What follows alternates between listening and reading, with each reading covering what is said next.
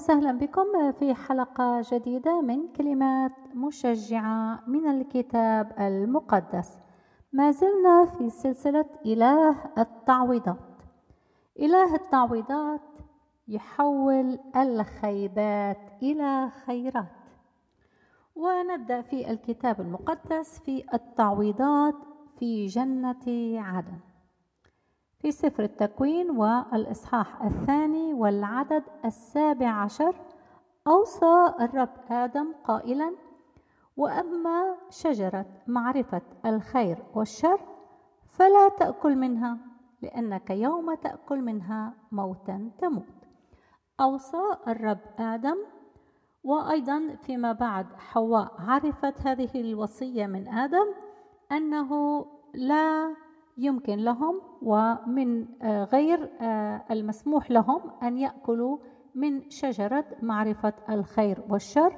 وباقي الأشجار أعطاهم الثمار وأعطاهم طعام وأعطاهم كل شيء. ولكن آدم وحواء في جنة عدن آه، وقعوا في خطية. البعض يقول خطية العصيان نعم هي خطية العصيان. خطية التمرد نعم. خطية عدم الطاعة نعم. آه، خطية الشهوة نعم.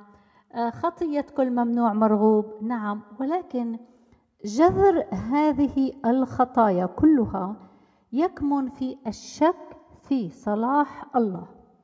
فآدم وحواء ظنا أن الله لا يريد لهم الخير. لماذا يمنع عنا هذه الشجرة؟ لابد أن هناك شيء عظيم في هذه الشجرة. وأراد أن يأكلا من هذه الشجرة. فإذا آه، أرى أن جذر الخطايا يكمن في الشك في صلاح الله. حين نشك أن وصايا الله هي لخيرنا نتمرد على الوصية ونكسر الوصية ونكسر آه، قلب الله أيضا. الله يحزن حين يرانا نخطأ ونقع آه، فريسة للخطية والخطية تؤدي إلى الدمار. فإذا آه، لا نشك في صلاح الله. إخوتي تعالوا نتجنب الخطية الأولى. تعالوا ننظر إلى الرب ونقول يا رب أنت خلقت هذا العالم أنت خلقت الأشجار خلقت السماء خلقت لنا الأكسجين خلقت لنا مقومات المعيشة خلقت لنا عائلة. يا رب أنت هيأت لنا هذا العالم لنعيش فيه. تعالوا نشكر الرب على كل بركة. أنا متأكدة أن كل واحد مننا وكل واحدة مننا عندها عشرات الأمور لنشكر عليها. وحين أخطأ آدم وحواء ووقعا في الخطية حصل السقوط بسبب التعدي على الوصية. وهنا الرب ينظر إلى آدم وحواء أخطأ آدم وحواء. واختبأ كما نعلم اختبأ آدم وحواء خوفا من الله.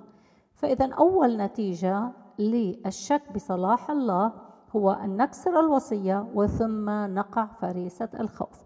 الخوف هو نتيجة الخطية. وعند الرب هناك حلول. حين ينظر إلى آدم وحواء لنرى ما هي الحلول بفكرنا البشري. طبعا بفكرنا البشري ممكن أن آه، مثل ما عندنا آه، جهاز يعطل ممكن أن آه، نرميه ونشتري غيره. فكان عند الرب أحد الحلول أن يخلص من آدم وحواء ويقضي عليهما ويخلق آدم وحواء آخرين. أو ممكن أن يبقيهم في الجنة وفي الجنة هناك شجرة الحياة. لو أكلا من شجرة الحياة سيأكلان الشجرة تجعلهم يعيشان إلى الأبد وبجسد الخطية. وكان ممكن أن يفديهم ويبقيهم في الجنة. وفي الجنة يأكلان أيضا من شجرة الحياة ويكون الفداء الجسدي غير كافي لهما. وكان ممكن أن يفديهم ويخرجهم من جنة عدن. وينتظرا الموت الجسدي ويبقي لهما الروح للأبد. طبعا هناك هذه الحلول أنا أقولها من وجهة نظر الإنسان. يعني لو كنا بشر كنا فكرنا بهذه الحلول. ولكن الرب اختار حل وهو أن يفتيهم ويعطيهم أقمصة من جلد وأيضا أن يقدم لهم الفداء عن طريق الذبيحة. يخبرنا الكتاب المقدس بدون سفك دم لا تحصل مغفرة. فالرب قدم ذبيحة فداء لآدم وحواء. وكساهم بجلد هذه الذبيحة. ففهم آدم وحواء أن الخطية أجرة الخطية موت وأن الحيوان الذي ذبح كان فدية عنهما وفهما فكر الفداء منذ جنة عدن. ووعد الرب أن المخلص سيأتي من نسل المرأة.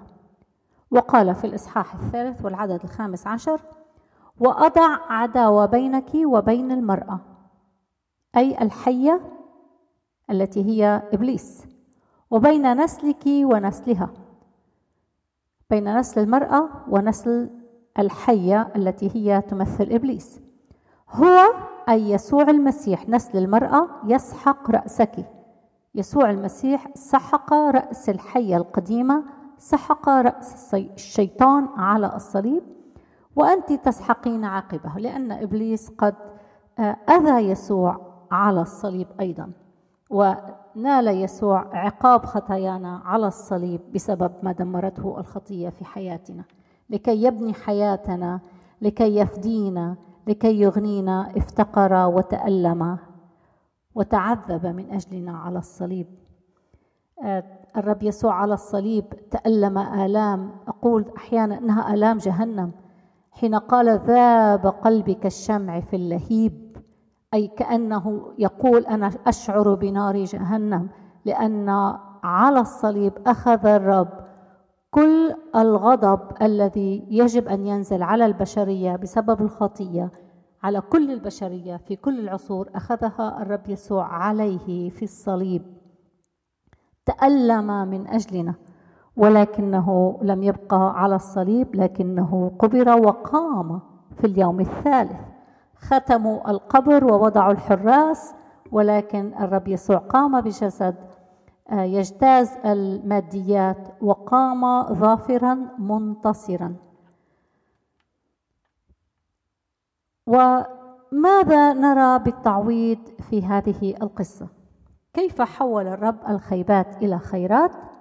قدم الرب الوعد بالمخلص يسوع المسيح الذي هو من السماء وهذا يجعلنا نرتبط بآدم الأخير يسوع السماوي بدل أن نرتبط بآدم الترابي. ومن محبته أخرج آدم وحواء من الجنة لكي لا يبقيا في جسد الخطية للأبد لو أكلوا من شجرة الحياة. كيف عوض الرب؟ عوض بأفضل من الأصل. بالأصل كنا ترابيين.